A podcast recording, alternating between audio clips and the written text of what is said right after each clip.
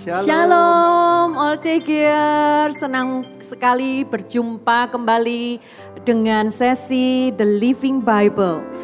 Bersyukur buat penyertaan Roh Kudus, buat pewahyuan rema yang diberikan dari day by day, mulai dari series Petrus, ada apa dengan Petrus, ada apa dengan Abraham, Yakub, Yusuf, Musa, Yosua, Saul yang baru saja kami lewati hari ini. Dan yang satu ini sebentar lagi nikmati karena ini merupakan The Living Bible yang terakhir yang akan kita bahas. Saya yakin setiap kita akan belajar begitu banyak melalui series ini. Yaitu series Ada Apa Dengan Daud. Seseorang yang Daud adalah seseorang yang banyak menginspirasi kami berdua kehidupan kami. Banyak sekali belajar dari kehidupan Daud. A man after God's own heart. Orang yang berkenan di hatinya Tuhan. Setelah kita belajar Saul, Saul itu sepertinya backdropnya. Saul itu antinya Daud. Jadi Tuhan tidak hanya mengajarin yang negatif, tapi mengajarin positifnya. Seperti uh, antinya kebalikannya. Saya percaya kita akan belajar banyak sekali. Saya sendiri bahkan perjumpaan dengan Tuhan itu melalui Yes. firman salah satu Wow, ams- iya. uh, salah satu mazmur yang ditulis oleh Daud sendiri. Tuhan ber- bertanya kepada saya, "Kamu ingin seperti Daud kan?" Belajar, coba baca Mazmur 23, salah satunya itu. Jadi saya banyak mempelajari Daud. Saya percaya Anda sendiri akan banyak belajar darinya dan kita nanti akan makin mirip dengan seperti Tuhan Yesus Kristus belajar dari Daud. Ayo kita lakukan bersama-sama. Dan kita akan memulainya series Ada Apa dengan Daud mulai dari tanggal 2 Desember sampai dengan 15 Desember. Kita membacanya mulai dari kitab 2 Samuel 2 akan membacanya secara urut. Saya percaya all Chegiers kalian akan belajar banyak dari karakternya Daud. Seorang yang mempunyai sikap hati yang begitu dekat, intim dengan Tuhannya. Oke, kita akan bersama-sama menikmati series Ada Apa dengan Daud. God bless you.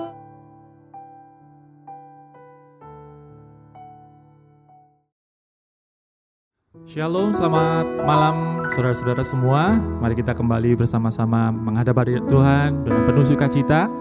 Kita mau tanggalkan segala beban yang ada, kita mau dengan bersyukur masuk dalam hadirat Tuhan bersama-sama. Terima kasih. Mari kita bangkit berdiri bersama-sama.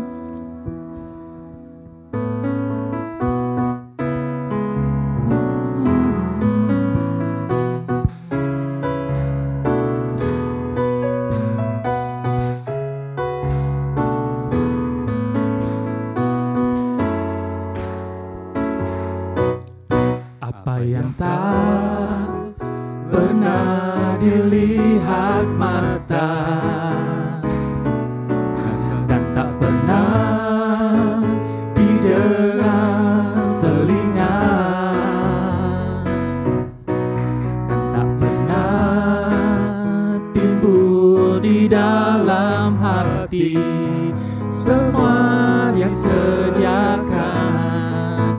bagi yang mengasihi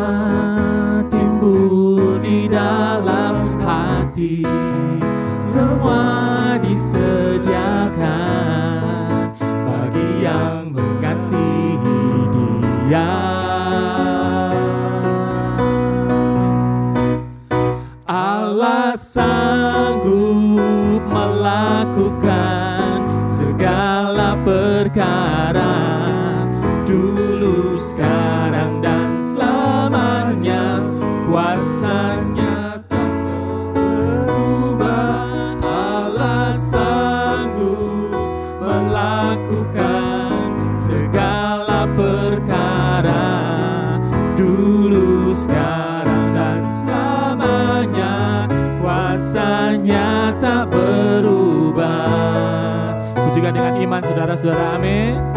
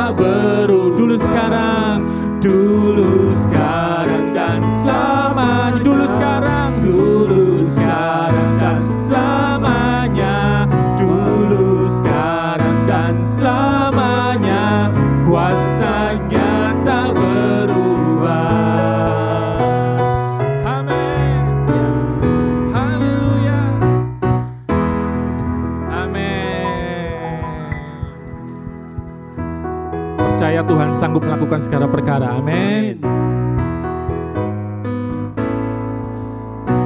Percayalah kepada Tuhan dengan segenap hatimu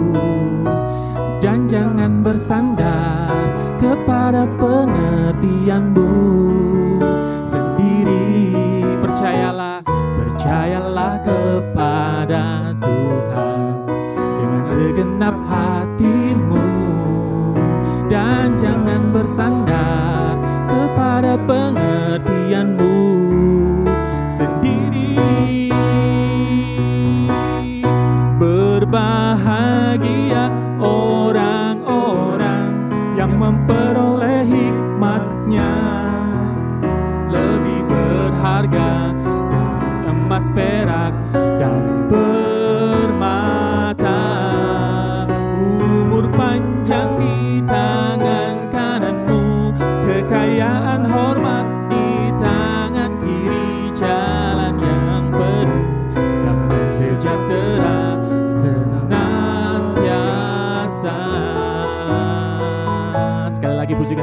suhu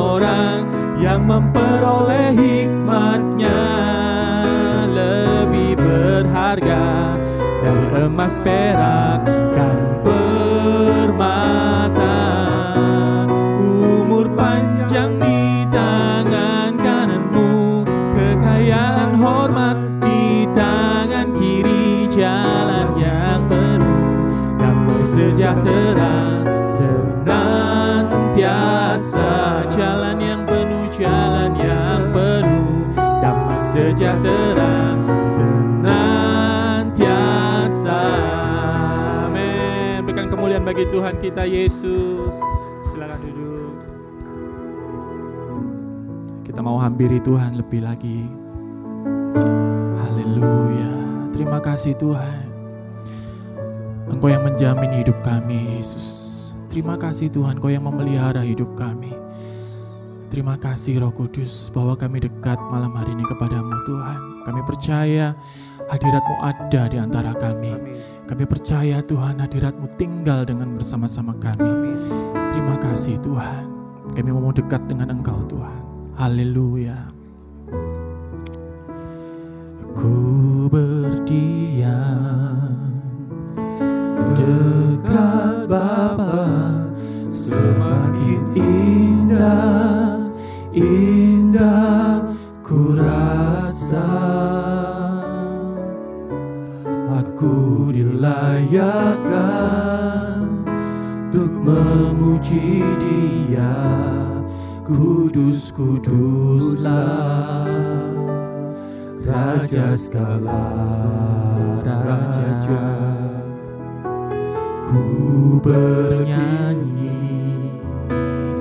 bagi dia korban terindah akan ku sembahkan pujian ku naikkan jiwaku bersorak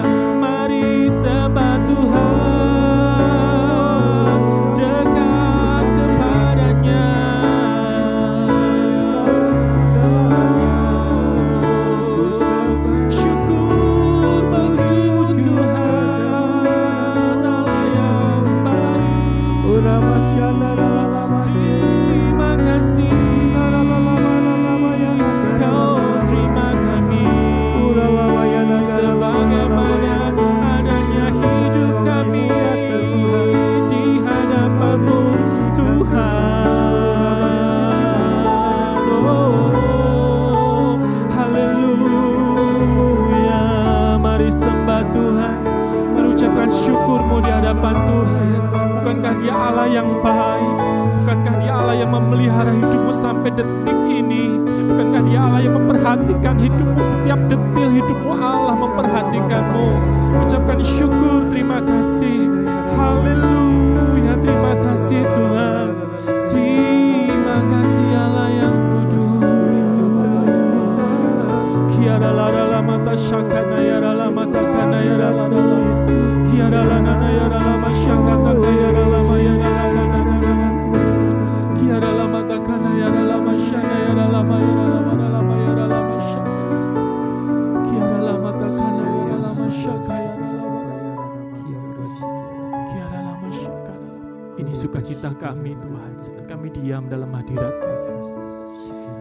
ini sukacita kami Tuhan saat kami tenang tinggal dalam hadiratmu. Terima kasih Roh Kudus yang baik. Terima kasih Roh Kudus yang baik.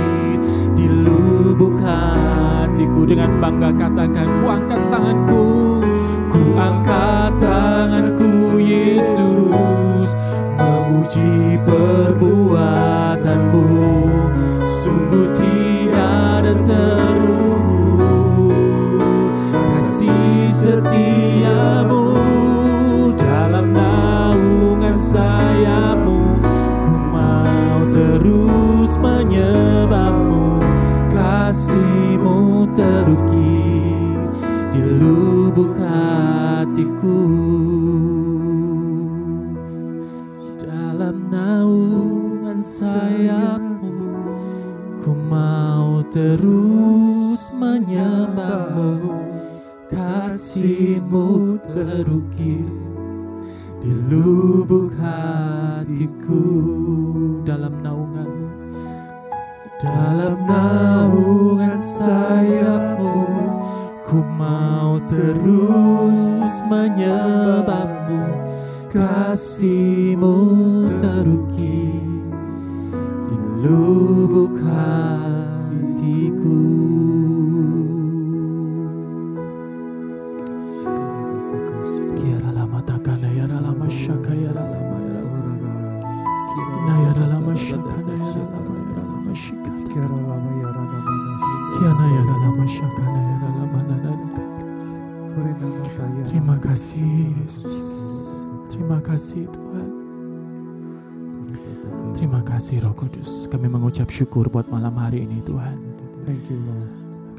menjawab setiap pergumulan anak-anakmu saat ini Tuhan.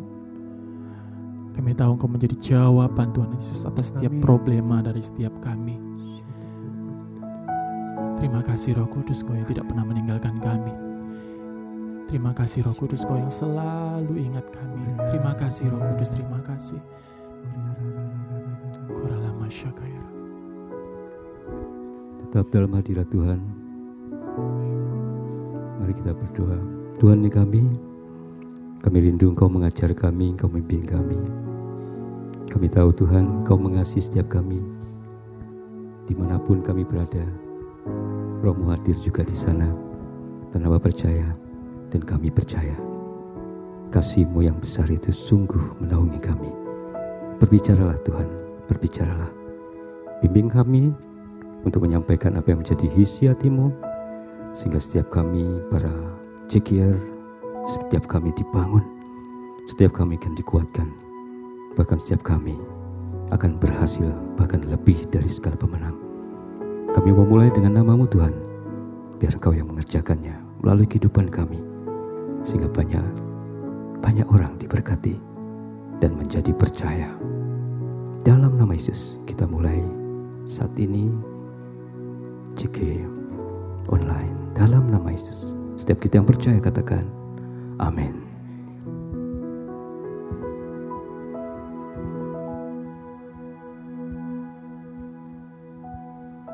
Shalom Checkers.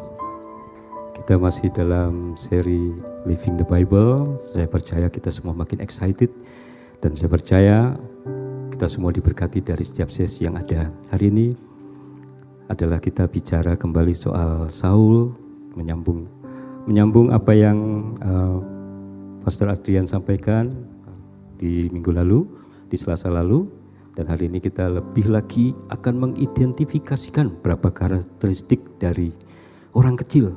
Ya, kita lebih suka menyebutnya adalah hati orang yang kerdil. Ya, dari seorang Saul agar kita jangan terjebak dan menjadi seorang Kristen yang gagal. Saudara, ada satu firman yang kita akan baca bersama. Ya, kita harap setiap kita berdiri. Kita angkat firman dari 1 Samuel 15 ayat 17. Sesudah ini berkatalah Samuel, bukan engkau, walaupun engkau kecil dalam pemandanganmu sendiri, tetapi menjadi kepala kepala atas suku-suku Israel. Dan bukankah Tuhan telah mengurapi engkau menjadi raja atas Israel? Saudara, dari firman ini menunjukkan bahwa Saul masih merasa kecil walaupun dia sudah diurapi sebagai raja. Dia sudah diurapi sebagai raja yang ada di hatinya Tuhan. Tuhan sendiri yang memilih secara pribadi. Dan ini kita mau lihat Kenapa dia merasa seperti itu? Ya. Dan dari apa yang kita bahas, kita mendapati bahwa hati yang kecil itu bisa ada di dalam setiap kita. Padahal kita waktu kita ada di bumi ini Tuhan taruh visi untuk sesuatu yang besar. Tuhan taruh sesuatu yang mulia yang harus kita capai atau kerjakan. Tapi kadang kita lupa bahwa kita telah dipilih.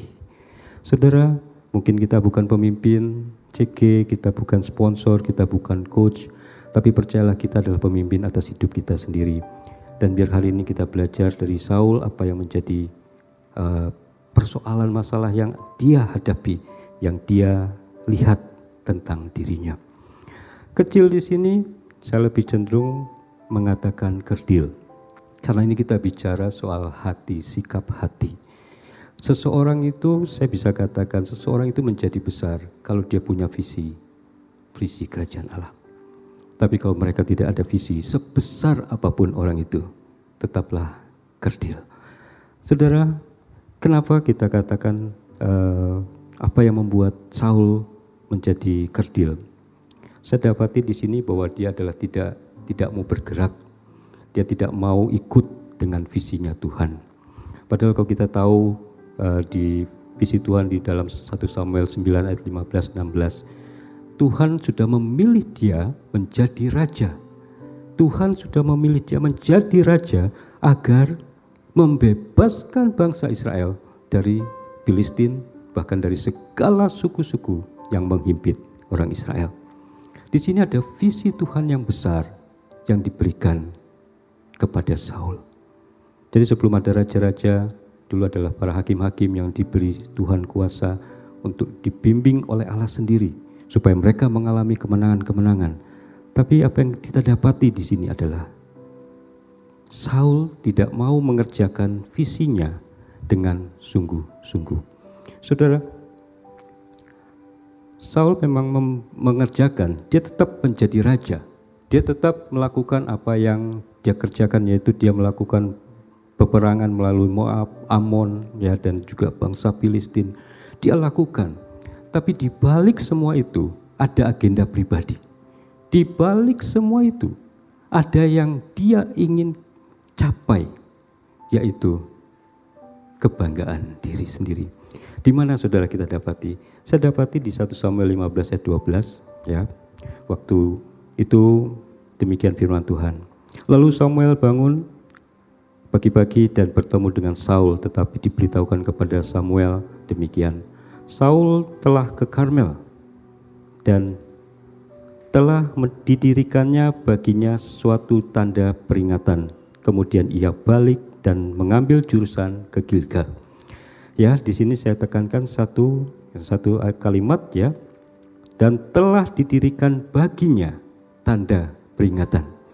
Bangsa Israel selalu membuat peringatan-peringatan waktu Yosua menyeberangi sungai Yordan juga diberi satu peringatan disusunnya 12 batu di tengah sungai itu dan setelah menyeberangi dan disusunnya juga 12 batu dan itu semua adalah untuk kemuliaan Tuhan untuk supaya bangsa Israel mengingat akan Tuhannya, untuk bangsa Israel melihat bahwa Allah yang besar yang menyertai mereka. Tapi di sini Saul tidak lakukan itu. Dia membuat satu monumen untuk dirinya sendiri. Dia mengagendakan ke visinya pribadi. Karena dia merasa kecil, dia ingin eksis. Dia merasa kecil, dia ingin ada di dalam satu satu pengakuan dari bangsa Israel bahwa bangsa eh, bahwa Saul inilah yang membawa bangsanya kepada kemenangan, kemenangan. Saudara, hari ini kita mungkin dipanggil menjadi saksi untuk mencari jiwa-jiwa. Ya, kita menjadi saksi di mana pun kita di marketplace atau di mana pun kita ada sebagai mahasiswa, kita diminta untuk bersaksi. Supaya apa? Supaya banyak orang kenal Tuhan Yesus. Tapi kita lebih suka menutup diri. Kita menolak melakukan kita tidak mau mengerjakan visi kerajaan Allah. Saudara sekali lagi tanpa visi Allah kita kecil. Dengan visi Tuhan kita besar. Bukan karena kita, tapi karena visi Tuhan yang ada di hidup kita. Saudaraku, saya mau para CGR mengerti soal ini bukan karena kita mau memperbanyak jiwa-jiwa di gereja kita. Tapi Tuhan taruh visi ini karena Tuhan mengasihi setiap kita untuk diselamatkan. Tidak ada satu orang pun yang Tuhan ingin tertinggal. Tidak ada satu orang pun yang Tuhan tidak ingin selamatkan. Karena apa? Setiap nafas kehidupan itu adalah milik Kristus. Dan Tuhan mau kita para cekir bergeraklah.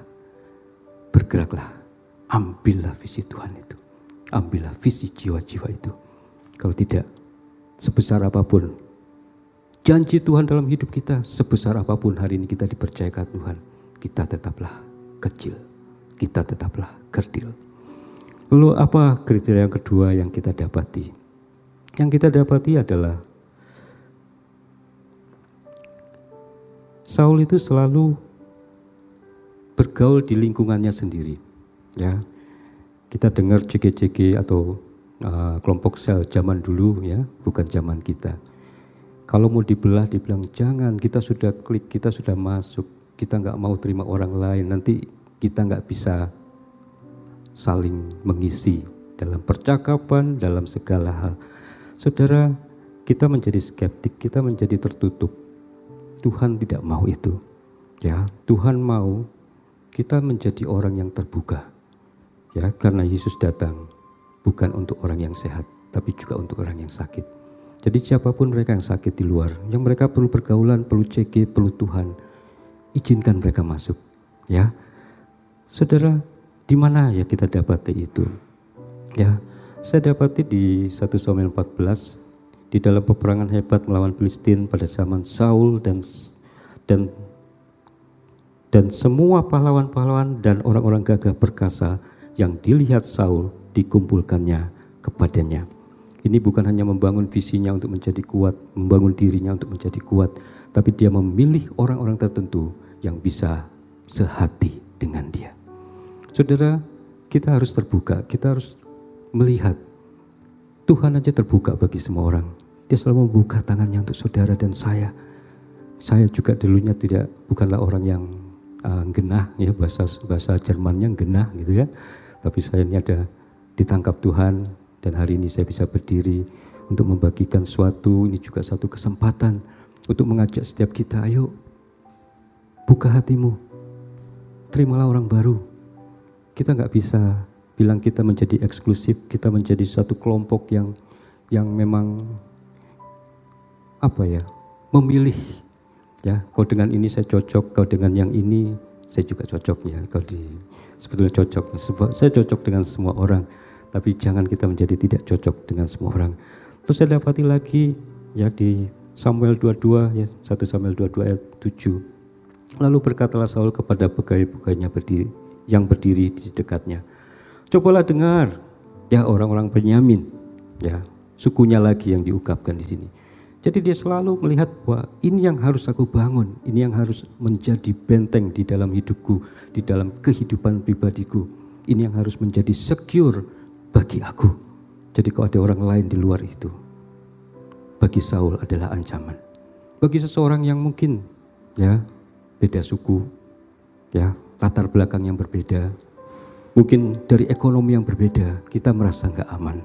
Kita merasa nggak bisa masuk dengan orang itu. Da, uh, sorry, Saul itu seperti itu, ya. Dia hanya melihat bahwa dari suku Benyamin, ya dia berkata kepada pegawainya, apakah anak Isai itu juga memberikan kepada kamu sesuatu sekalian ladang kebun anggur, apakah ia akan mengangkat kamu sekalian menjadi kepala atas pasukan seribu dan atas pasukan seratus. Saudara, orang yang gak secure itu selain dia apa tertutup, dia akan membangun rasa amannya dengan apa yang dia punya. Ya mungkin dia punya sesuatu jabatan posisi, dia bisa menawarkan kepada setiap orang di sekitarnya untuk berpihak kepadanya, untuk menjadi bagian di dalam kehidupannya. Hanya untuk apa? Hanya untuk membesarkan namanya Saul. Saudara, Saul itu tidak bergerak ya. Tadi kita dapati di pertama bahwa yang selalu bergerak itu hanyalah Daud, Yonatan.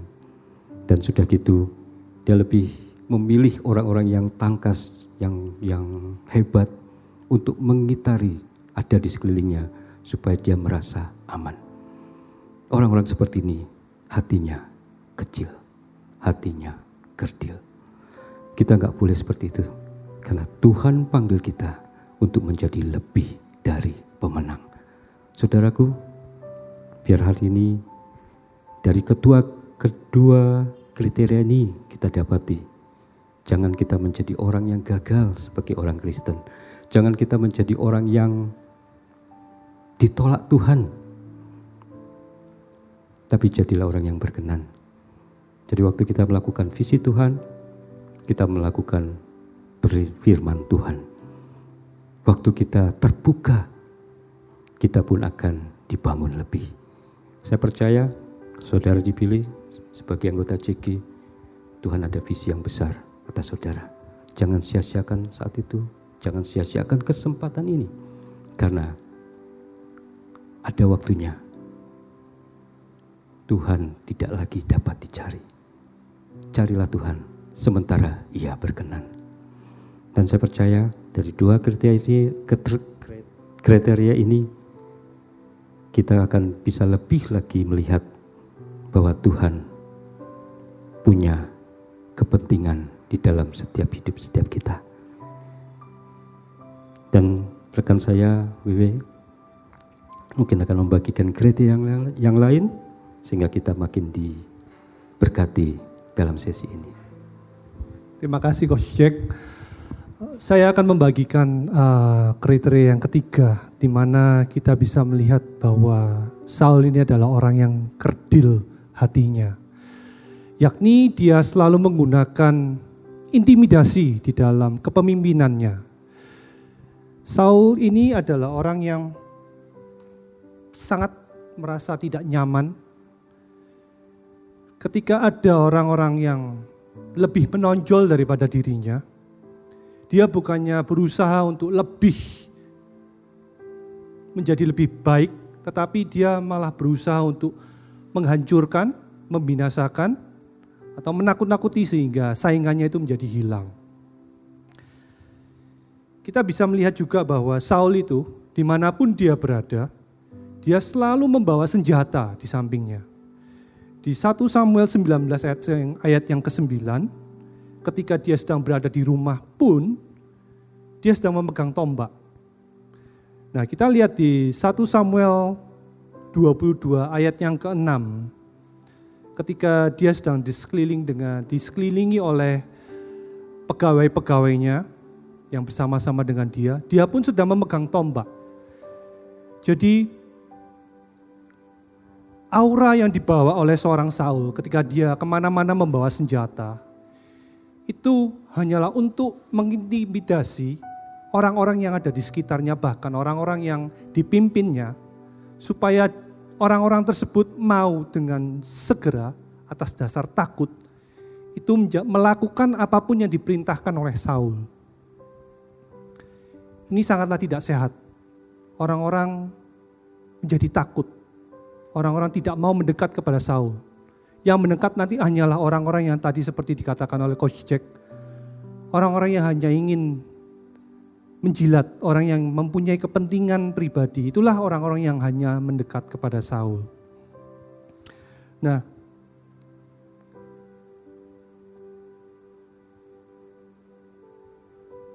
saya dulu adalah orang yang sempat memiliki pengalaman seperti Saul, di mana saya itu menggunakan rasa takut, intimidasi untuk mengontrol keadaan yang ada di sekeliling saya.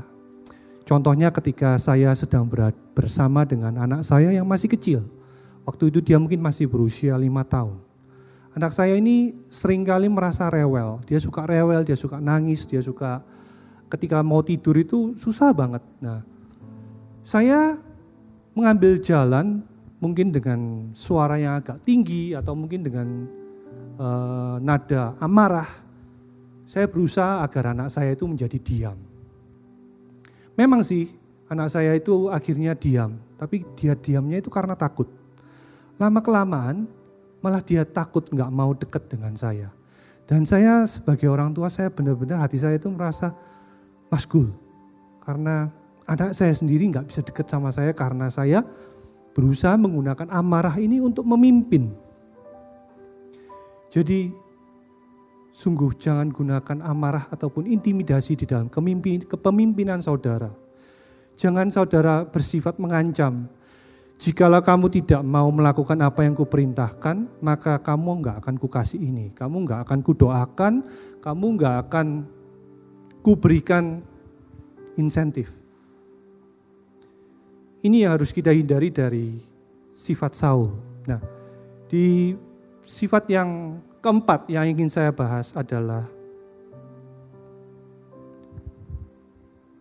Saul adalah orang yang self-centered. Dia itu orang yang sungguh amat sangat mementingkan dirinya sendiri. Satu ayat, satu firman yang tertulis di 1 Samuel 22 ayat yang ke-17 sampai dengan yang ke-19. Saya bacakan. Lalu raja memerintahkan kepada bentara yang berdiri di dekatnya, "Majulah dan bunuhlah para imam Tuhan itu sebab mereka membantu Daud. Sebab walaupun mereka tahu bahwa ia melarikan diri, mereka tidak memberitahukan hal itu kepadaku." Tetapi para pegawai raja tidak mau mengangkat tangannya untuk memarang imam-imam Tuhan itu. Lalu berkatalah raja kepada Doeg, "Majulah, engkau dan paranglah para imam itu." Maka majulah Doeg, orang Edom itu, lalu memarang para imam itu.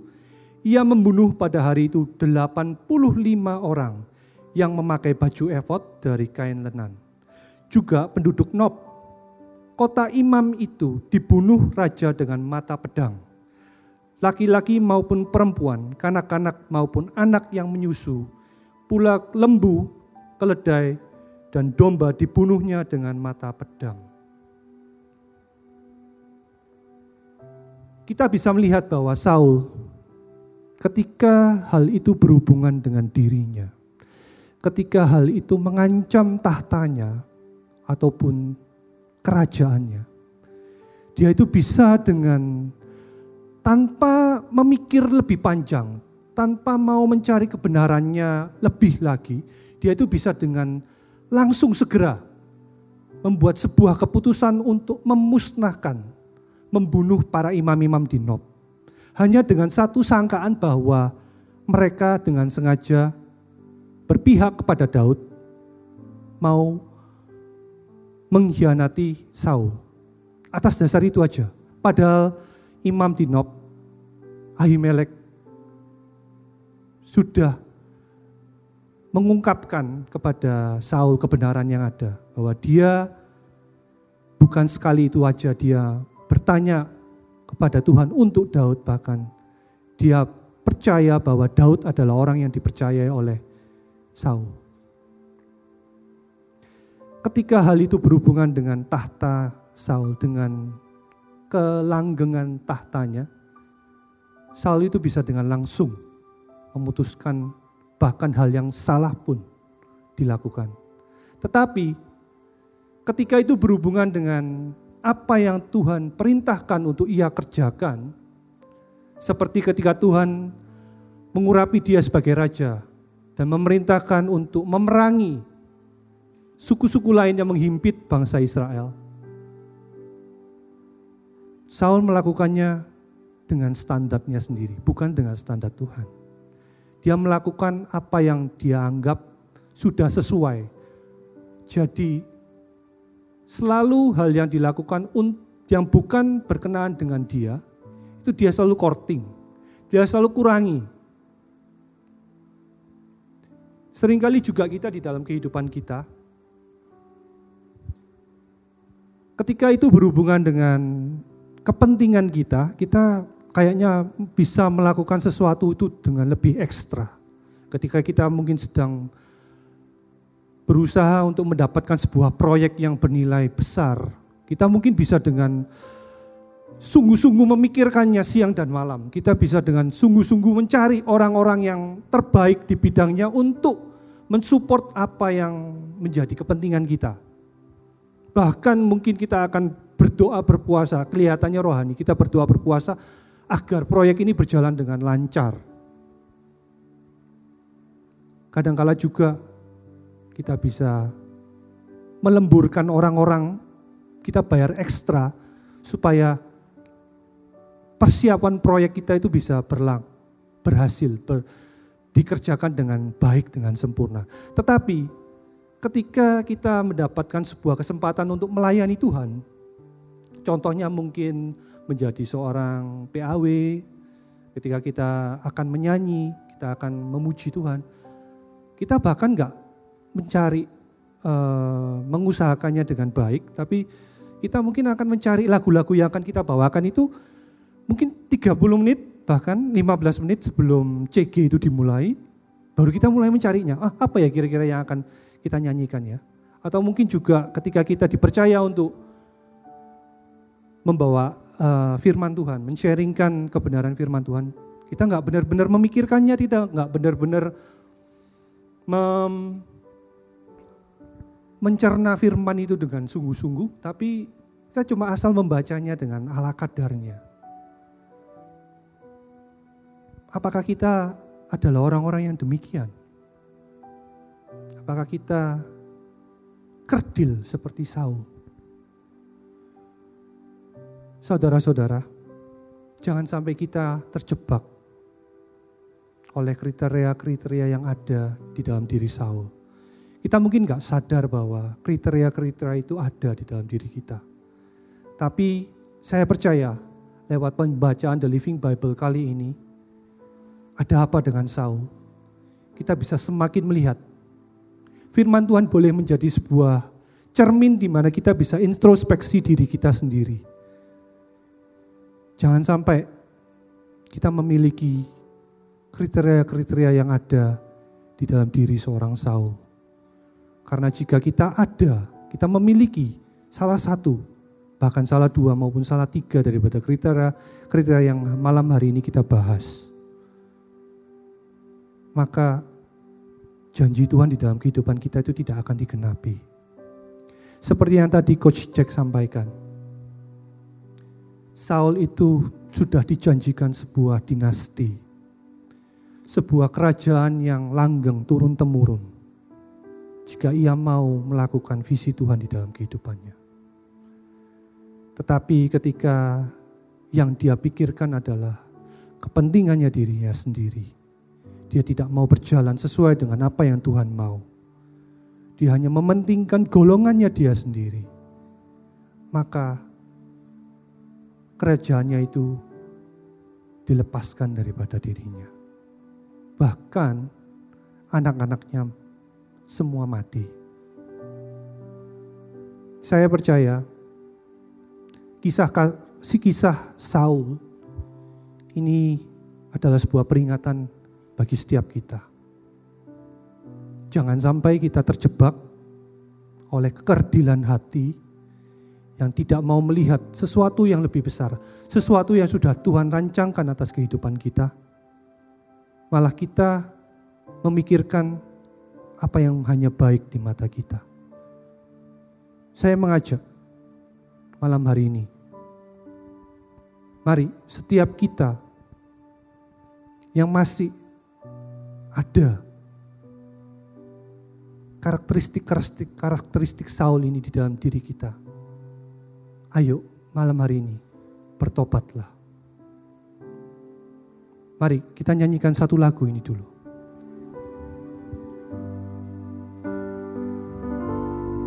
Jadikan aku indah yang kau pandang mulia seturut karyamu di dalam hidup hidupku ajarku berharap hanya kepadamu.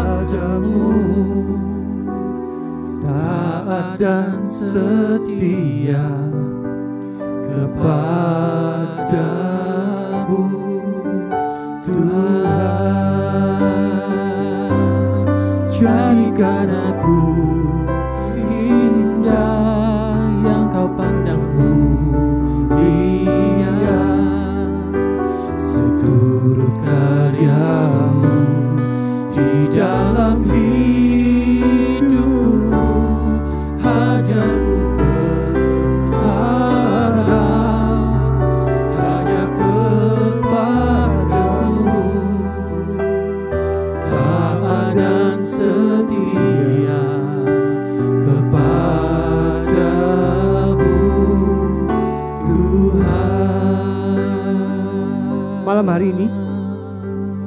jikalau ada di antara kita yang merasa bahwa diriku kecil, diriku ini kenapa kok kerdil seperti ini? Maka malam hari ini, percayalah bahwa Tuhan sanggup memulihkan keadaan saudara-saudara. Jikalau ada di antara kita yang tidak mau bergerak, tidak mau mengadopsi visi, tidak mau taat kepada pemimpin-pemimpin rohani kita. Jikalau kita hanya mau fokus kepada apa yang ada yang menjadi zona nyaman kita, apa yang menjadi kelompok kecil kita. Jika ada dari antara kita yang suka dengan emosi, dengan intimidasi, memimpin, mengarahkan orang-orang yang ada di sekeliling kita. Dan selalu melihat bahwa kepentingan kita melebihi kepentingan orang-orang yang ada di sekitar kita. Bahkan kepentingan Tuhan kita abaikan. Malam hari ini, saya mau berdoa bagi saudara-saudara semua. Saya percaya bahwa kasih Tuhan, urapan Tuhan, anugerah Tuhan itu sanggup melepaskan saudara dari kekerdilan yang ada saat ini, malam hari ini, hamba berdoa, kami berdua berdoa, biarlah setiap kita dilepaskan daripada kekerdilan-kekerdilan, jebakan karakteristik yang ada pada diri Saul. Dan setiap kita diubahkan malam hari ini menjadi orang-orang yang memiliki visi yang besar yang daripada Tuhan. Yang dipakai Tuhan untuk kemuliaan Tuhan. Di dalam nama Tuhan Yesus, terimalah malam hari ini kelegaan yang baru, urapan yang baru, kuasa yang baru. Kuasa yang akan membuat kekerdilan itu hilang di dalam diri Anda. Di dalam nama Tuhan Yesus. Haleluya. Amin. Amin. Terima kasih coach, terima kasih coach, terima kasih. Oke, kita sangat terberkati sekali dengan firman Tuhan pada malam hari ini. Dan sebentar lagi jangan ke mana-mana karena kita setelah ini kita akan ikuti acara topical discussion. God bless you.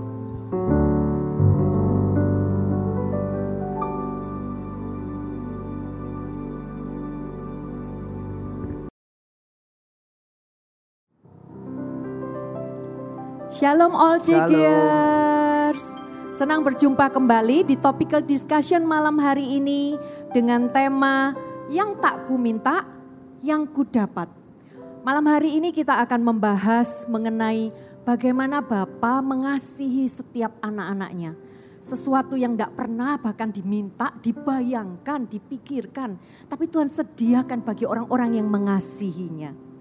Ini dasarnya dari Mazmur 37 ayat 4 yang berkata, Dan bergembiralah karena Tuhan, maka ia akan memberikan kepadamu apa yang diinginkan hatimu. Dalam bahasa Inggrisnya indah sekali.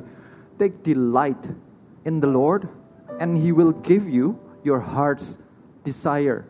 Wow. Malam hari ini Tuhan itu mau menunjukkan kepada kalian semua melalui kedua pasang narasumber ini bagaimana Tuhan itu memperhatikan our heart's desire. Mereka berdua menunjukkan bahwa mereka itu tidak kayak tidak mengumbar apa yang mereka mauin, tetapi nggak seberapa minta sih sebenarnya, tapi mereka malah diberikan oleh Tuhan. Ada Ya. kata-kata He will give you, berarti Tuhan yang dengan sengaja memberikan a gift bagi mereka apa yang didambakan oleh mereka masing-masing.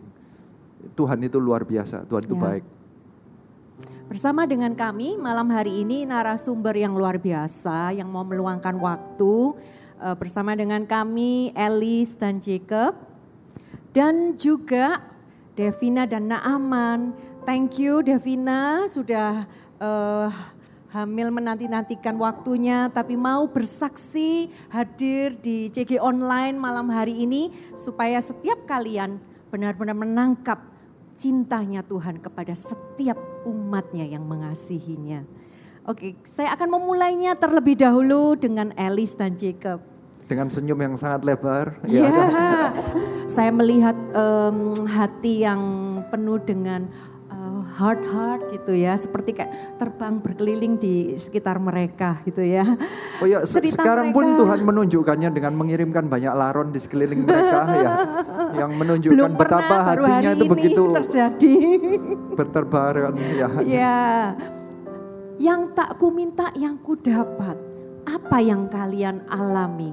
Mungkin bisa start dengan Jacob dulu. Jadi eh, kita tuh disadarkan kalau kita tuh saling suka itu awalnya dari pelayanan J. Oh Jadi, mengenai suka dan sukanya. Mm. Ya, ya, ya. Jadi kayak tiba-tiba kayak kayak dapat pewahyuan gitu, bukan pewahyuan kayak ini loh, coba deketin kayak gitu loh. Di, diper- saya perjelas dulu mereka ini sedang barusan aja jadian gitu ya. Jadian, ya. Di masa pandemi ini. Ya, ya, betul. silakan terus. Jadi sebetulnya kan eh, saya sama Elis itu udah berteman lama ya. Jadi kita udah teman kuliah gitu. Cuman waktu kuliah ya biasa aja. Maksudnya nggak nggak ada ketertarikan yang gimana-gimana banget gitu. Kenapa kok nggak tertarik? Soalnya dulu dia tuh waktu saya waktu kita kuliah tuh dia masih punya pacar kok. Jadi kayak Oh, oke. Ada bentengnya ada Iya gitu kan. Iya, Jadi iya, kayak iya. Not ya udahlah available ya. gitu. ah. Jangan diganggu. No vacancy, ya. Nah, ya. terus eh, terus kita ketemu lagi di gereja. Kita ketemu di gereja, terus ternyata kita juga satu tim di pelayanan gitu di sosial media. Jadi eh, kita satu tim, kita ya ya sebetulnya sejak selesai kuliah tuh kita udah nggak kontak gitu kok. Maksudnya udah nggak pernah nggak pernah kontak. Terus uh, sejak pelayanan sosmed itu kita jadi kontak lagi gitu. Jadi ngobrol-ngobrol lagi gitu. Nah itu terus Jadi ketemu lagi di pelayanan. di pelayanan, di pelayanan Hmm. sosmed. Nah, uh, Tapi tidak terjadi apa pun. ya biasa tidak aja ada sih. ketertarikan. Waktu itu juga- You're just friend. Mm-mm, waktu itu juga aku lagi suka sama orang lain juga gitu kan.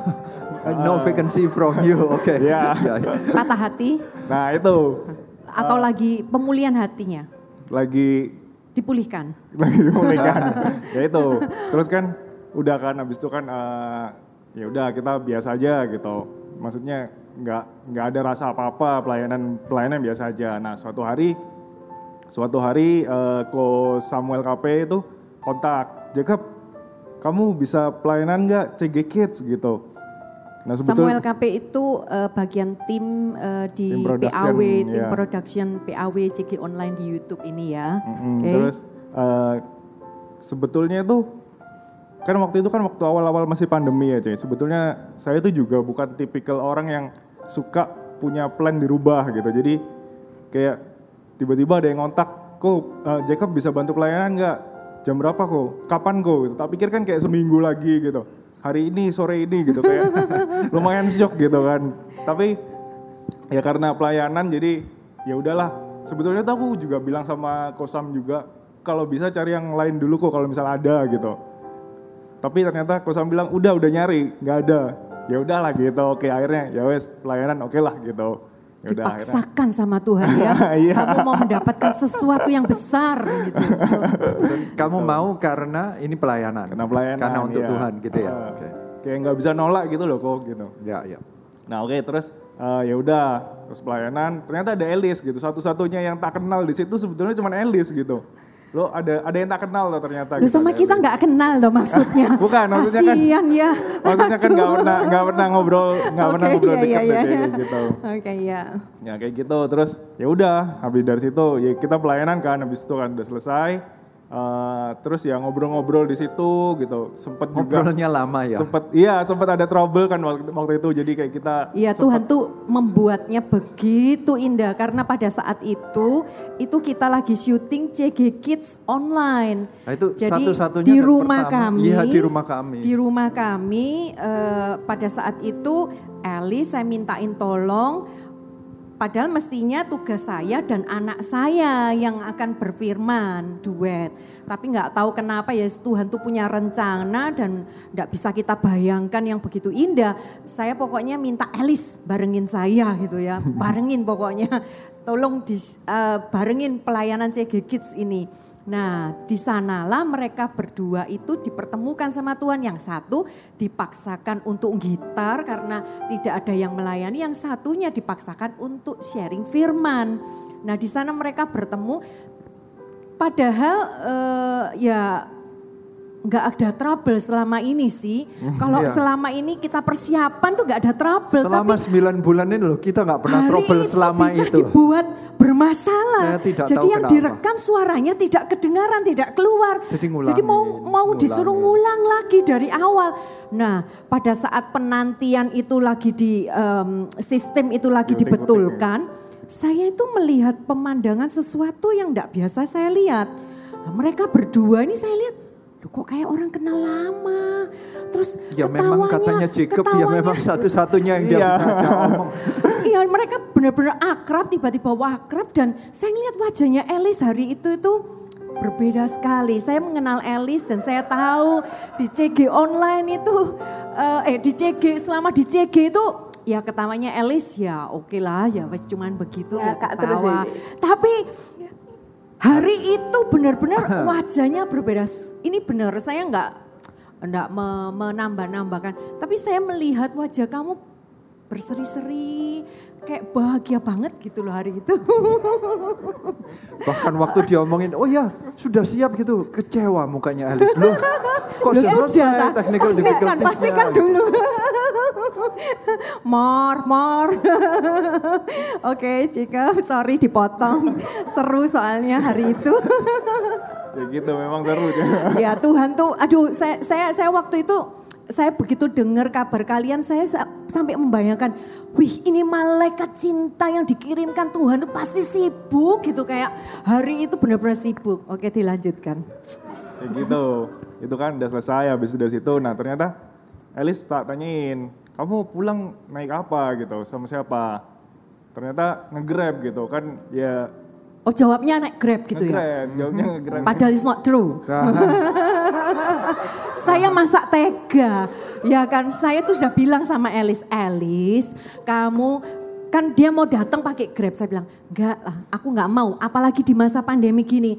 Udah, tak siapin sopir pribadi dari jemput dan antar pulang. Aman pokoknya. Dijemputnya dijemput sama supir kan? Dijemput, Iya, iya, iya. dijemput sama Tapi supir. pulangnya ngomongnya Grab. Grab. Iya, iya. Iya, iya. Dan saya shock banget ketika Elis sudah ada di dalam mobil. Terus C saya diantar Jacob baru ngomong lupa loh bicara sama saya. Wah luar Ya, biasa silakan. Jacob. Di- ya. di- dipotong terus. Sorry. Kayak gitu. Sa- Jadi C Gears, kalau ada yang khawatir mengenai pasangan hidupmu, malam hari ini bertobat, dengarkan kesaksian mereka. Yang tak ku minta, yang ku dapat, itu yang akan kalian terima.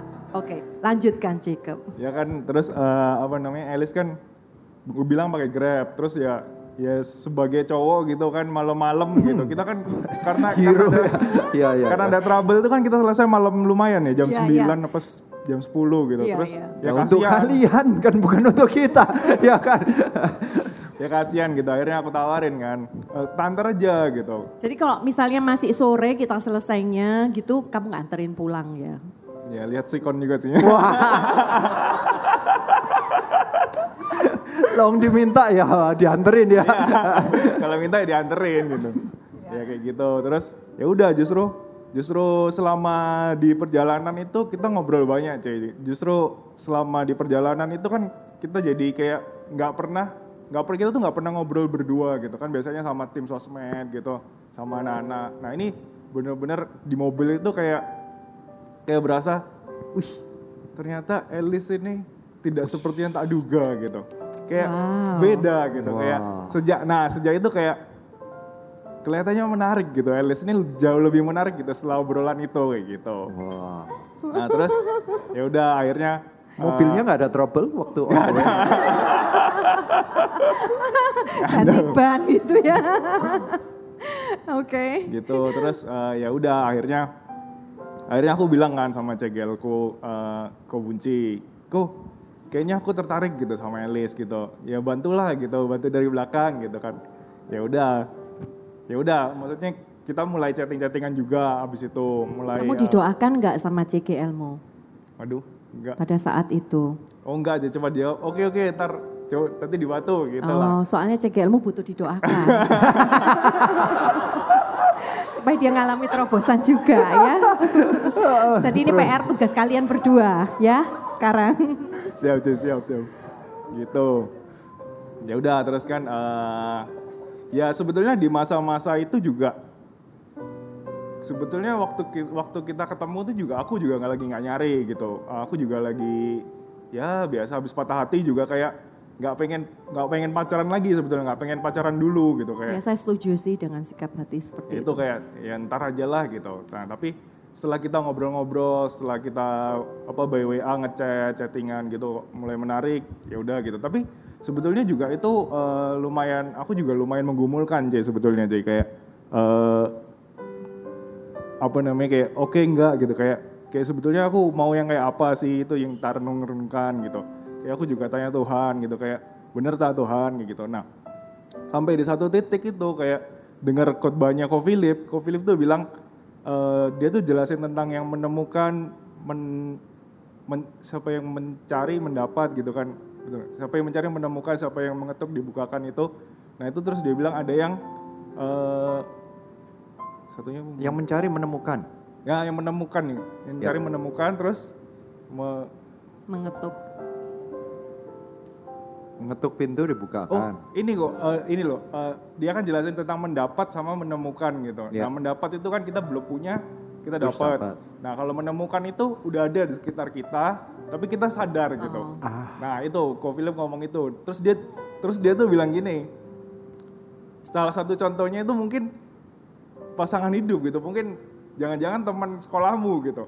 Nah sejak hari itu kayak kayak langsung, wah kayak diteguhkan gitu. Oh, oke. Gara-gara Ko Philip ngomong gitu gitu. Jadi ya ya udahlah coba makin dekat makin dekat lagi gitu nah sampai ya aku juga ngobrol sama Koke juga Eh, enggak sih bukan bukan ngobrol sama Koke lebih tepatnya itu waktu Kok Oke tuh coach Anda. ya coach coach sekali lagi gitu minta tanda kan kayak Tuhan kalau beneran Elis gitu aku minta tanda sekali lagi Tuhan gitu nah ternyata besoknya Koke tuh telepon deh jadi Koke tuh telepon gitu. Koke kan maksudnya kan jarang gitu ngobrol-ngobrol juga sama Koke gitu. Nah eh, ternyata hari itu Koke telepon gitu. Tanya Jacob gimana kerjaan? gitu tanya-tanya gitu. Terus waduh aku tuh udah batin gitu dalam hati. Ini mesti mau nanya Elis ini. Kan aku kan cerita sama Kobunci tak pikir Kobunci cerita sama Koke gitu. Nah ternyata Koko Koko nih mau nanyain tentang pasangan hidup ya Koko tanya gitu kan sama Koke kan. Terus Koke bilang iya gitu. Terus kayak terus tanya tahu dari mana kok tahu dari Kobunci tak tak bilang gitu. Terus Koke bilang enggak enggak eh, Kobunci nggak ngomong gitu. Nah ternyata coach coachku Koke itu ternyata sama coachnya dia itu udah udah nggak tahu gimana ceritanya tuh mereka bisa bisa bisa Sibuk sendiri mereka iya yang gitu rame itu itu juga mendiskusikan kita meja itu nggak bundar. nggak aspek sama sekali gitu kayak Oh gitu itu happy banget para coach-coachnya. Oke.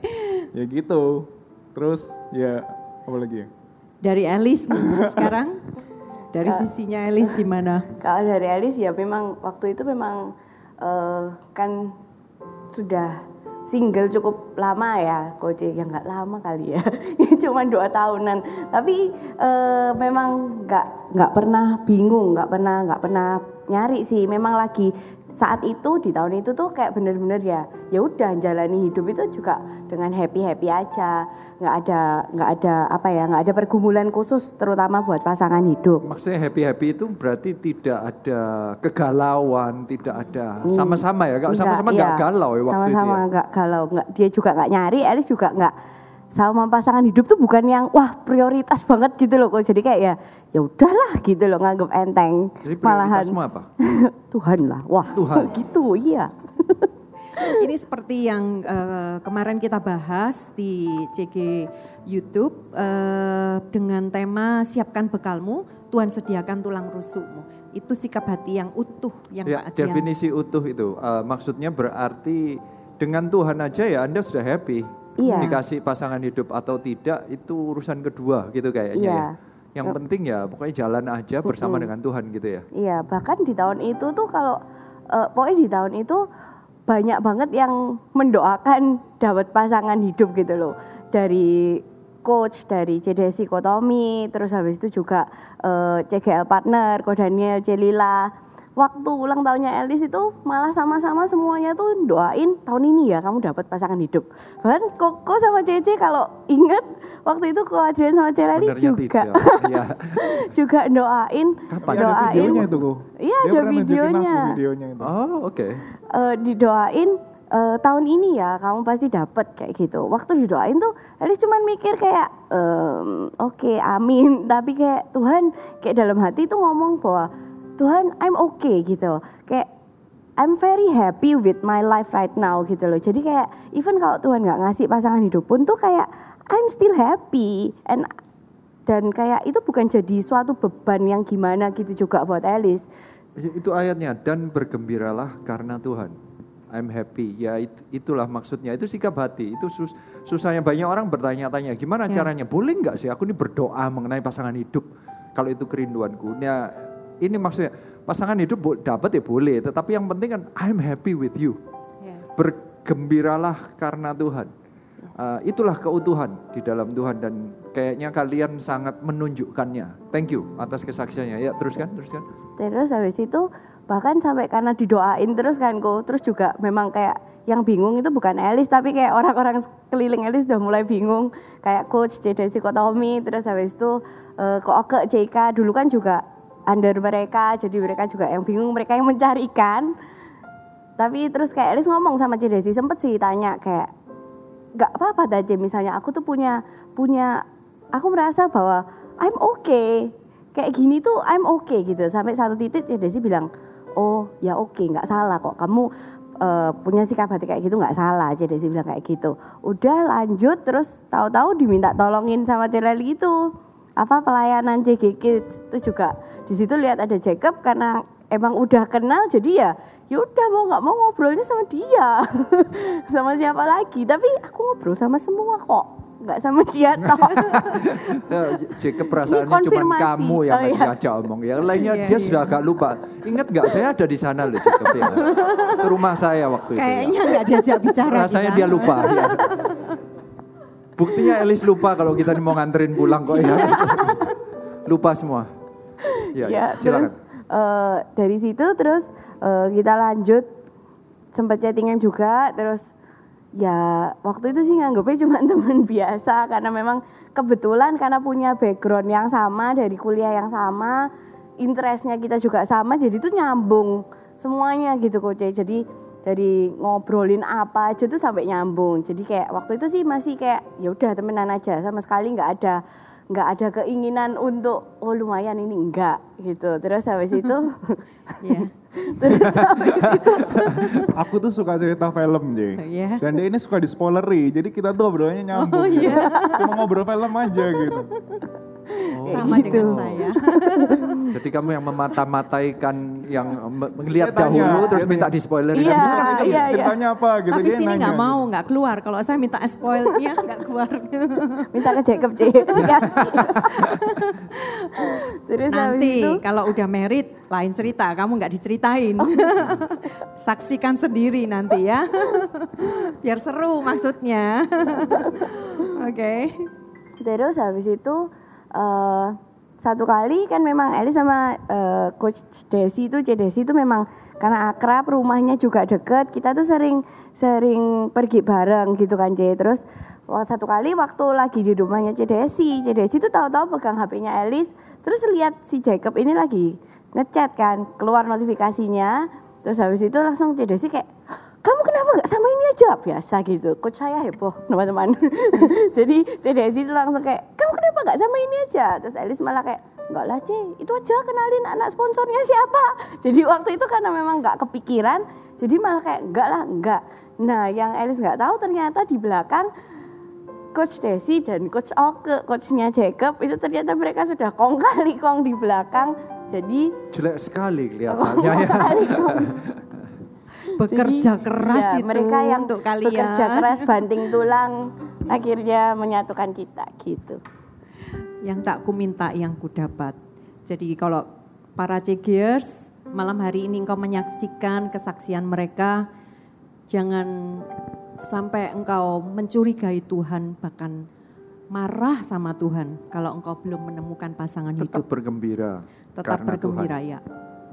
Tapi kalau mereka ini katanya bukan bukan dapat, mereka menemukan. Karena ini sudah lama.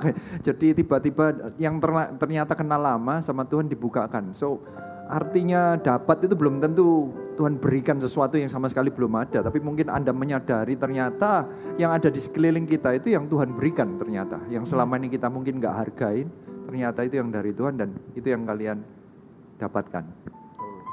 Puji Thank Tuhan, you. Tuhan baik ya, untuk praise kalian. the ya. Lord, luar biasa. Malam hari ini kita juga akan mendengarkan kesaksian dari narasumber Devina dan Naaman.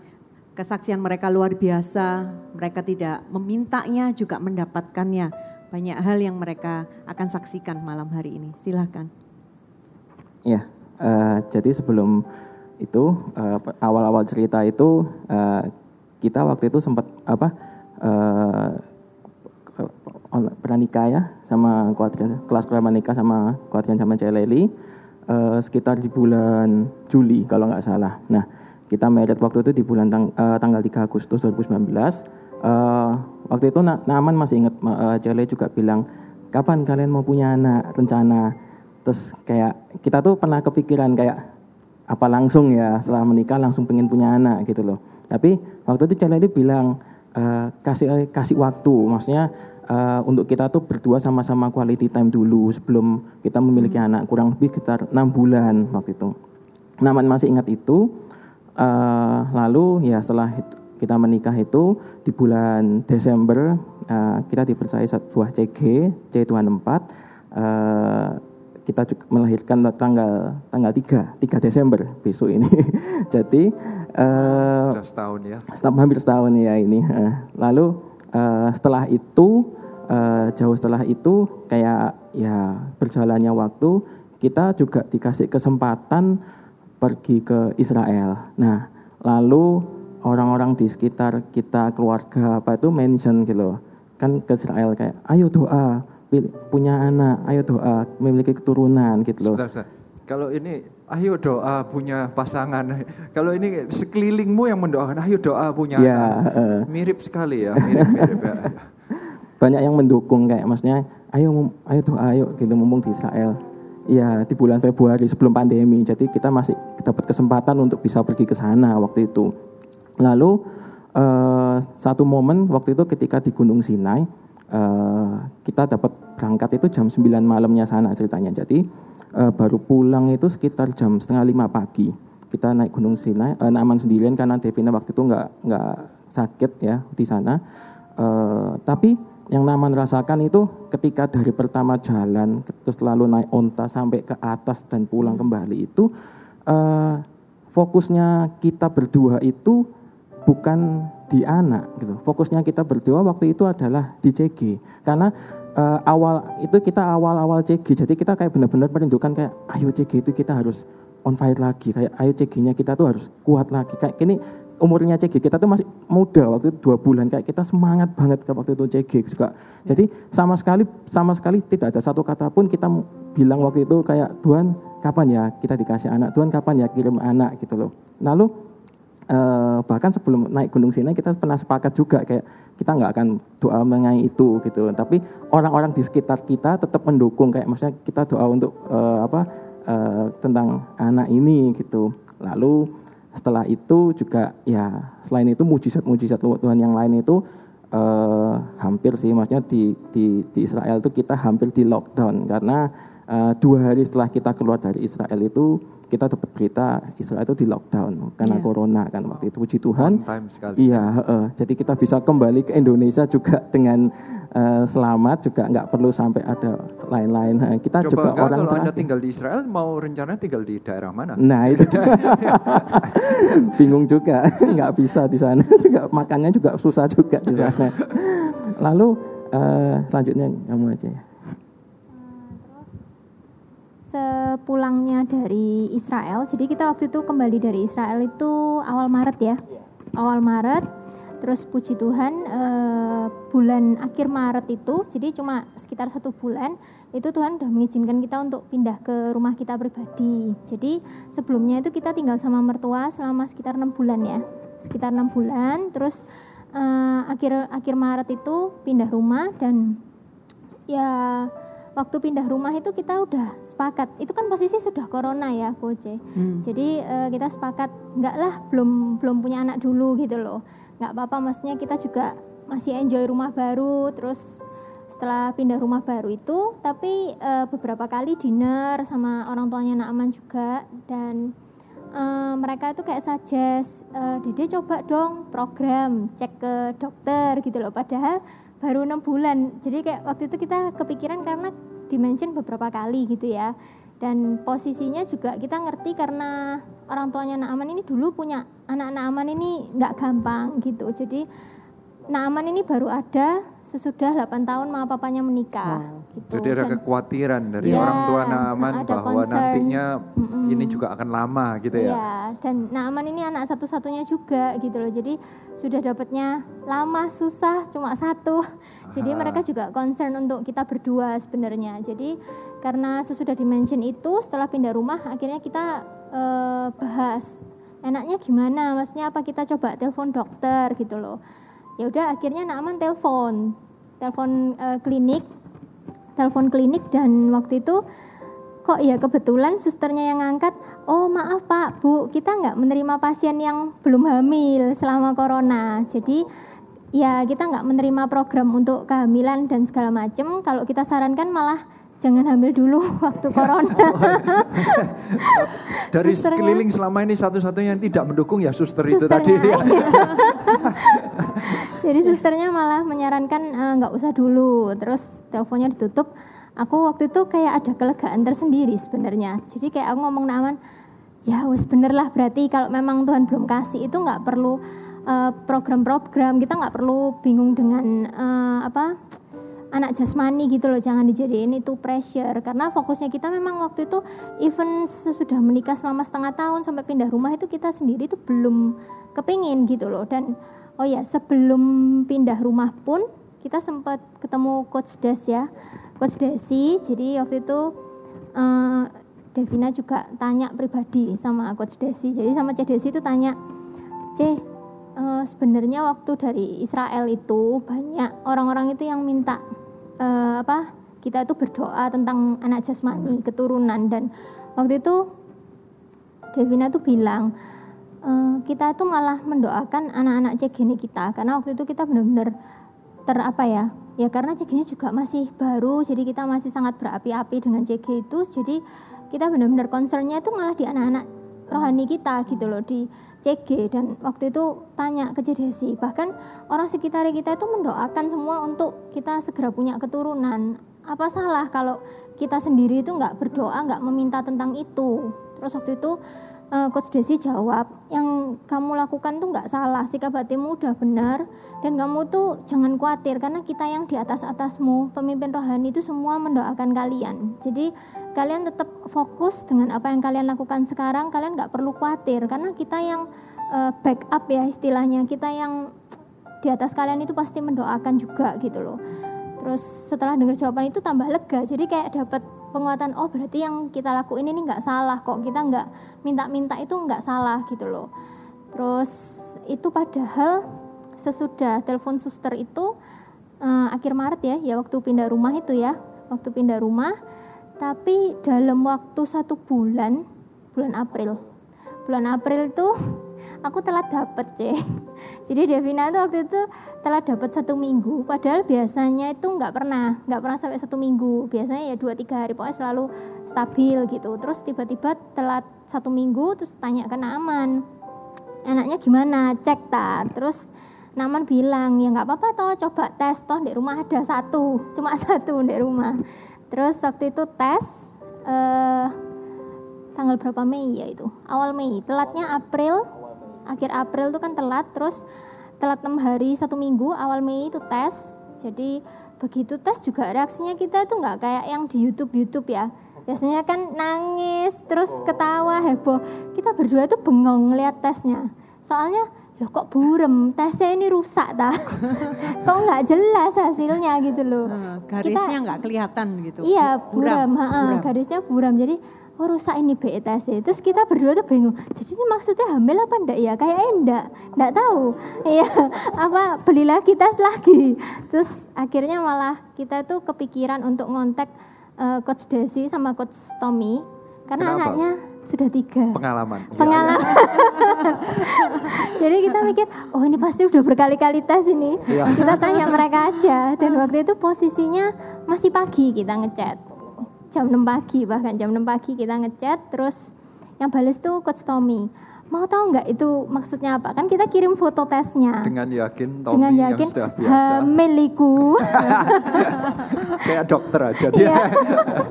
tak jawab ya itu hamil terus jadi waktu itu yang kita benar-benar sadar loh yang pertama kita kontak itu malah pemimpin rohani kita jadi yang kita ingat itu malah bapak rohani jadi setelah tanya coach Tommy dan coach Desi baru kita hari itu kasih tahu orang tua kita tapi yang pertama kita kontak bapak rohani kita dulu Tapi akhirnya papa mamamu anu ya lega sekali berarti ya. Oh, seneng. Ya, ya, Seneng puji banget. Tuhan ya.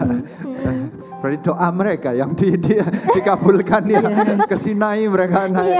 Ikut ya ke Sinai apa ikut ya? Ikut, Wah, itu ikut. habis itu selama itu unta di dia dia omong terus itu. Ya, anakku punya anak, anakku punya anak gitu mungkin ya. Ya.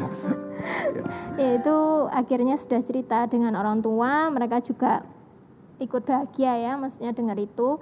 Nah, selama kehamilan pun Devina sama Naaman ini banyak ngerasain berkatnya Tuhan, mujizatnya Tuhan tuh nyata gitu loh. Amin. Bukan dalam hal eh, apa selama kehamilan tuh selalu mulus gitu enggak, tapi di bulan kedua di bulan kedua kehamilan itu eh, Devina kontrol seperti biasa ke dokter dan waktu kontrol itu dokter tuh bilang "Eh, ini ada hematoma ya, maksudnya dijelasin sama dokter. Menakutkan. ini ada hematoma ya, ada gumpalan darah di dekatnya plasenta. Jadi lebih baik bed rest. Tapi ini karena ukurannya nggak besar, nggak apa-apa saya nggak kasih obat dulu. Nah waktu itu saya waktu di dokter itu kan masih kaget gitu ya Jalali. Jadi nggak nggak ngerespon dokternya cuma iya iya aja. Tapi waktu di mobil itu saya nangis gitu loh. Karena saya langsung Google. saya ini kebiasaan apa-apa pokoknya harus cari tahu detail. Jadi di mobil itu langsung Google hematoma itu apa, terus eh, harus kayak gimana segala macam dan ternyata kalau memang yang eh, case-nya parah, kalau itu membesar itu memang bisa mengakibatkan keguguran gitu. Dan waktu Devina di mobil nangis-nangis itu kok ya untungnya puji Tuhan Naaman itu tenang gitu loh. Jadi dia bukan yang ikut panik, ikut sedih, ikut stres, tapi dia tuh bisa menenangkan. Udah kamu nggak usah kepikiran, dokternya udah bilang nggak apa-apa. Dan kalau Tuhan kasih itu Tuhan pelihara, Tuhan jaga. Nggak perlu kamu langsung eh, nangis kepikiran langsung stres gitu loh. Malah nggak nggak bagus kalau stres. Naman bilang dan posisinya itu besok itu kita CG ya harinya CG besok tuh harinya CG tapi malam itu kita setelah kontrol dokter itu kita Devina sih lebih tepatnya. Namanya enggak. Devinanya yang nangis-nangis mobil terus sampai rumah juga. Kita langsung hubungi lagi-lagi coach Tommy coach Desi. Jadi langsung kita langsung kasih tahu eh, kita ada apa Devina dapat hematoma itu. Mm-mm. dan terus mereka juga ngomong nggak usah concern ke situ nggak usah concern ke masalah itu sama perkataannya sama kayak Naaman Tuhan tuh pasti kalau udah Tuhan kasih Tuhan pelihara gitu loh dan Coach Tommy itu pasti bukan dokter kehamilan, bukan? bukan Bukan. Soalnya yakin sekali mengenai kehamilan. Mungkin karena keahlian pengalamannya ya, luar biasa. Ya, ya, sudah anak tiga ya. Silakan terus. Terus itu Coach Tommy sama Coach Desi juga mendoakan kita dan setelah Naaman ngomong, setelah kita doa bareng juga ada damai sejahtera. Jadi yang pertama Tuhan kasih itu damai sejahtera. Di hari yang sama itu juga ya udah jadi nangisnya Devina itu cuma satu hari itu aja. Besoknya udah ketawa-ketawa lagi padahal ya hematomanya masih ada gitu loh. Jadi eh, concernnya udah nggak ke situ. Kita juga fokus melayani di CG, udah happy happy. Terus eh, Happy. ngikuti happy. Kata-katanya kembali bergembiralah karena Tuhan. Ya. Jadi udah dapet damai sejahtera dan sukacita dari Tuhan. Terus eh, selama dua minggu itu kan menunggu kontrol ke dokter lagi. Tapi fokusnya kita udah nggak di hematoma itu. Dan akhirnya setelah dua minggu kontrol ke dokter, dokternya bahkan nggak menyebutkan soal hematoma. Tapi karena Devina kan concern, jadi tanya, dok hematomanya masih ada. Dokternya bilang, oh udah nggak ada, makanya dia nggak nggak menyebutkan gitu karena memang sudah tidak ada ya. Itu Devina percaya itu kebaikan Mujizat Tuhan. Itu terjadi. Berarti Iya. ada kesembuhan ya terjadi. Iya, wow, puji benar. Tuhan. dalam dua minggu. Jadi waktu itu juga eh, Coach Desi nginget, eh, mengingatkan Devina, eh, Coach Desi bilang kalau nggak ada kayak gini kamu tuh nggak akan bisa keluar jadi pemenang. Jadi kayak gini tuh ada maksudnya Tuhan bekerja dalam kehamilanmu ini nggak usah terlalu eh, kepikiran waktu itu dan kata-kata itu Devina pegang gitu loh. Penyertaan Tuhan itu juga terjadi dalam bisnis Devina dan Naaman selama kehamilan. Jadi meskipun dalam pandemi ini eh, mujizat Tuhan itu juga nyata gitu loh. Dan waktu itu eh, kita ada keperluan untuk beli barang-barang baby karena kan ya ini anak pertama. Jadi eh, setelah kita belanja keperluan itu Tuhan itu langsung gantikan gitu. Jadi Tuhan langsung kirimkan klien dan berkat yang eh, orderannya itu jumlahnya exactly the same amount Wow, sama sama persis ya. sama persis dengan biaya yang sudah kita keluarkan gitu loh. Wow. Dan itu nggak terjadi satu kali aja tapi dua kali. Jadi dari Tuhan set- mau membuktikan ya. Ya, itu kayak peneguhan dan janji Tuhan. Ini loh, aku tuh senantiasa menyertai dan ada dengan kalian. Jadi Luar biasa. Berarti kan Dari- Anda beli tambah lama tambah mahal nanti. Enggak. Kalau setiap kali di, ditembui gitu ya. diganti jadi tambah lama tambah mahal. jadi karena kejadian itu Devina dan Naaman juga semakin eh, apa selain semakin diteguhkan tapi kita juga jatuh cinta lagi dengan Tuhan. Jadi kita benar-benar sepakat seumur hidup kita kita mau melayani Tuhan. Wow. Itu sih. Biarlah ini yang menjadi kesepakatan bagi kita semua. Ya. Sesuai dengan firman Tuhan. Dan bergembiralah karena Tuhan maka ia akan memberikan kepadamu apa yang diinginkan hatimu. Kedua pasangan ini mengalaminya karena hati mereka itu bergembiranya karena Tuhan. Yes. Di masa pandemi mereka tidak memikirkan untuk punya anak kalau eh, mereka kalau mereka tidak mencari pasangan hidup padahal ya sebenarnya mau sih. Tapi ya tapi Tuhan sendiri yang menyediakan. Yes. Eh, kalau kalian benar-benar mendapatkan mereka menemukan menemukan each other. Saya percaya di luar sana banyak orang-orang yang mungkin sedang berdoa untuk pasangan hidup ataupun berdoa untuk sesuatu yang ada di dalam keluarga mereka. Entah itu punya anak ataupun yang lain-lainnya. Saya percaya selama hatimu utuh aja, nempel aja, jatuh Yes. cinta kembali kepada Tuhan. Seumur hidup di masa apa pun. Anda jangan terlalu mencari-cari yang your heart desire sebenarnya. Carilah Tuhan, maka your heart desire akan diberikan Amin. kepadamu. Yes. Hari ini saya rindu untuk berdoa untuk kalian. Mari kita angkat tangan kepada mereka. Tuhan kami mau berdoa bagi ada orang-orang yang sedang membutuhkan. Entah itu ada orang-orang yang sedang mencari-cari pasangan hidup. Entah mereka mengakuinya atau enggak. Hari ini kami berdoa. Biar hati mereka tuh utuh di hadapan Tuhan. Mereka tuh Yes, mengasihinya mengasihi Tuhan. Mereka tuh bergembiranya karena Tuhan, bukan karena dapat pasangan hidupnya. Dan saya percaya saat mereka jatuh cinta kembali kepada Tuhan, hati mereka diberikan, diserahkan kepada Tuhan, saat itulah Tuhan akan yang memberikan yang mereka rindukan, Amin. yang terdalam di dalam hati mereka.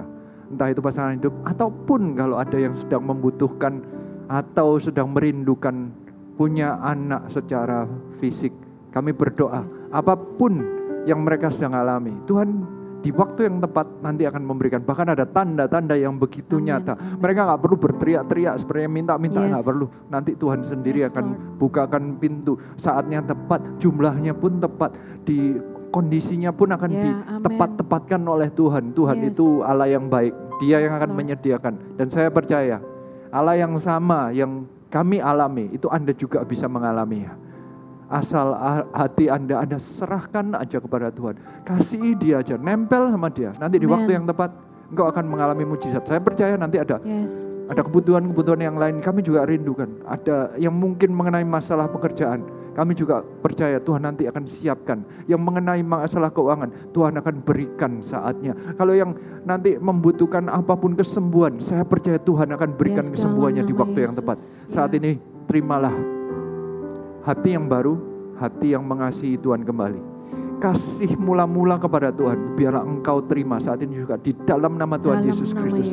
Saya rindunya kami kami semua rindunya engkau menerima penyegaran kasih kepada Tuhan itu dan ujung-ujungnya nanti engkau akan menerima mujizat daripada dia. Amin. Terimalah berkat ini hanya di dalam nama Tuhan Yesus Kristus. Semua yang percaya katakan. Amin. Dengan ini kami akan berikan salam. We love you. 5,000. God bless God you. bless you.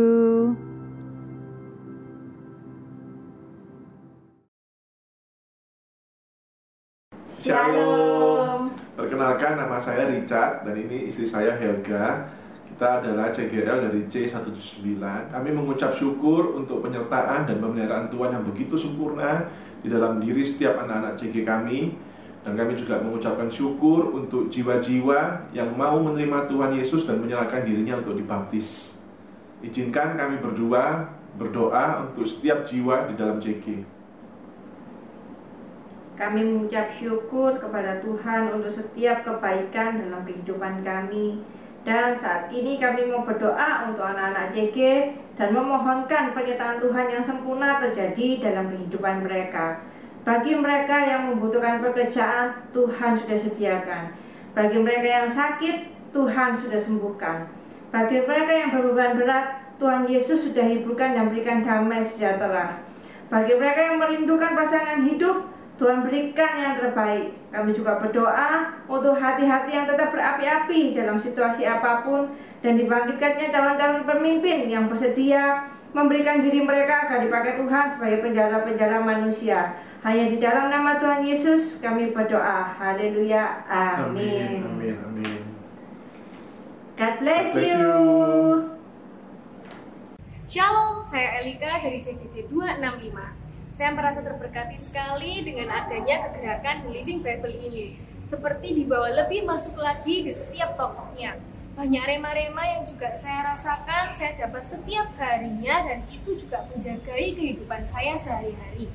Salah satunya di kisah Saul ini adalah kalau taat itu jangan setengah-setengah. Kalau taat itu sepenuhnya, entah itu sesuai dengan keinginan atau tidak. Pokoknya belajar untuk taat saja. Jangan dicampur aduk dengan keinginan pribadi. Karena kecerobohannya, Saul ini sampai-sampai buat Tuhan menyesal membuat Saul menjadi raja. Jadi saya mengajak setiap kita, ayo jangan ketinggalan.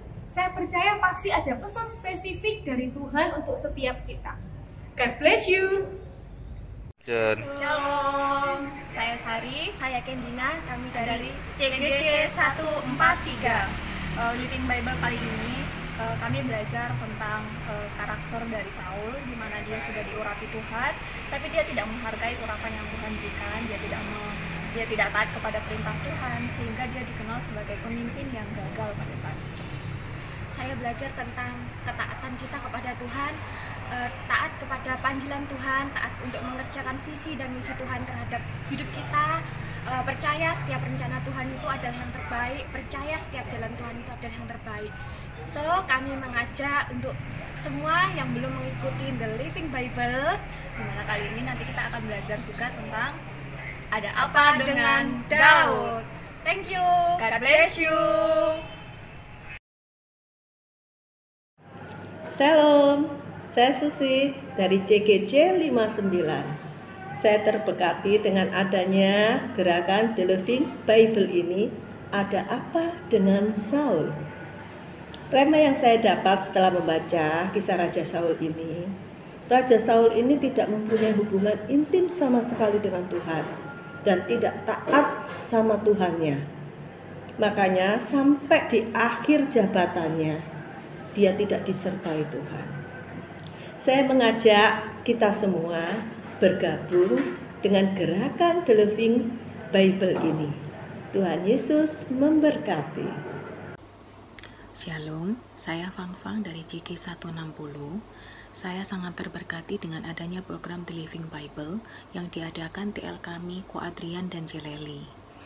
Banyak yang bisa saya dapat dari program The Living Bible ini. Melalui pertanyaan yang diberikan tiap harinya, membuat saya mempelajari tentang tokoh-tokoh Alkitab. Melalui karakter mereka masing-masing, kelebihan dan kekurangan, janji-janji Tuhan pada tiap-tiap mereka, silsilah keturunan mereka, dan banyak hal lain yang dulunya belum saya ketahui. Mari CGers, kita sama-sama belajar di Living Bible ini, membaca firman lebih dalam. Akan ada banyak yang bisa kita pelajari di tiap harinya. Seperti saya yang terberkati dan dikuatkan dari program ini. We love you 5000. God bless you. Shalom, saya Vera dari C160. Rema yang saya dapat dari ada apa dengan Saul adalah Saul diberi kesempatan untuk dipilih dan diurapi oleh Tuhan menjadi Raja Israel yang pertama. Tetapi dalam kehidupan perjalanan Saul gagal dan Saul ditolak oleh Tuhan.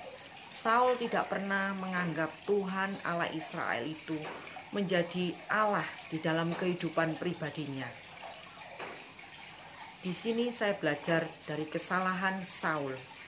Jika kita dipilih, diberi kesempatan, diurapi oleh Tuhan, kita harus benar-benar berpaut kepada Tuhan. Kita harus benar-benar melekat. Kita harus benar-benar mempunyai hubungan pribadi yang sungguh-sungguh kepada Tuhan. Sehingga visi dan misi Tuhan itu dapat tergenapi dalam kehidupan kita. We love you 5000. Salam, nama saya Bagus Radityo dari CGC 246. Saya belajar di Samuel yang menjadi bapak rohani bagi Saul dan saya rindu untuk mendoakan member-member yang ada di CG. Tuhan Yesus, Engkau ubahkan hati mereka agar mereka lebih rindu untuk dekat denganmu, rindu untuk dimuridkan, dan rindu untuk memberitakan kabar baik ini kepada semua orang. Engkau juga angkat dan berkati kehidupan mereka agar mereka bisa jadi pemimpin yang baik dan benar bagi semua orang. Di dalam nama Yesus Kristus, haleluya, amin. God bless you, we love you 5000. Shalom, saya Alia dari JG246. Saya senang sekali dengan program The Living Bible. Kita bisa belajar tentang tokoh-tokoh di Alkitab. Kali ini kita belajar tentang Raja Saul. Raja Saul adalah raja yang dipilih dan diurapi oleh Tuhan, namun memiliki respon hati yang salah. Hanya karena perkataan nyanyian dari rakyat yang mengatakan kepada Saul dihitung beribu-ribu, kepada Daud beraksa-laksa, itu menyebalkan dan membuat Daud Saul iri dan dengki kepada Daud sampai akhir hidupnya. Saul juga tidak melakukan ketaatan-ketaatan kepada Tuhan. Di sini saya belajar memiliki pentingnya memiliki respon hati yang benar dan melakukan ketaatan-ketaatan kepada ketetapan Tuhan. Saya mengajak teman-teman semua, ayo yang belum ikut The Living Bible, ayo kita ikut program The Living Bible, membaca Alkitab setiap hari, merenungkan Alkitab setiap hari, pasti kita mendapat hikmat-hikmat dan pengertian-pengertian yang baru. Tuhan Yesus memberkati. Shalom, saya Helen dari CGC 59. Di sini saya mengikuti gerakan The Living Bible, ada apa dengan Saul. Saya belajar dari sikap hati Saul yang salah, yaitu perasaan yang tidak aman. Sehingga Saul ini banyak sekali curiga, terlebih dengan orang-orang yang ada di sekitarnya. Bahkan dari rasa tidak aman itu membuat hubungan Saul dengan Tuhan semakin hari semakin menjauh. Saya mengajak kita semua, ayo hidupi dari firman Tuhan dan jadilah kita sebagai pelaku firman. Tuhan Yesus memberkati. Salam, saya Debbie dari CGC 246. Saya sangat terberkati dengan adanya program The Living Bible ini karena saya bisa belajar tentang tokoh-tokoh dalam Alkitab. Saya bisa tahu lebih dalam setiap karakter tokoh-tokoh dalam Alkitab, baik itu kelebihan dan kelemahan tokoh-tokoh tersebut. Dan saat ini kita sedang belajar ada apa dengan Saul. Saul adalah raja yang diurapi oleh Tuhan. Penyertaan Tuhan luar biasa dalam setiap kegerakan Saul. Semua itu terjadi karena Saul taat kepada Tuhan. Dan pada saat Saul mulai tidak taat, Tuhan pun mulai tidak berkenan kepada Saul. Tuhan pun meninggalkan Saul. Nah, para cekers, ayo tetap semangat dan setia dalam mengikuti The Living Bible. Jangan sampai kita melewatkan pengajaran ini setiap harinya. Itu tandanya kita mau taat dan mau dibentuk oleh Tuhan lewat program-program yang diciptakan oleh para pemimpin-pemimpin kita yang diurapi Tuhan. Jesus bless you all. Shalom, perkenalkan nama saya Ju dari CGC 246. Mengikuti Living Bible Series adalah keseruan tersendiri bagi saya, di mana saya banyak mempelajari sifat dari tokoh-tokoh yang terdapat di dalam Alkitab, yang dapat saya aplikasikan dalam kehidupan saya sehari-hari. Sesuai namanya, Living Bible Series ini adalah seperti sesuatu Alkitab yang hidup pada saat kita baca. Kita akan mendapatkan rema-rema tertentu karena setiap rema yang kita dapat dengan yang lain akan berbeda. Untuk itu di dalam suatu komunitas CG ini kita akan memerlukan rema-rema yang lain biar kita dapat mempelajari dari sudut segi pandang yang berbeda-beda Jadi mari kita tetap selalu mengikuti The Living Bible Series. We love you 5000.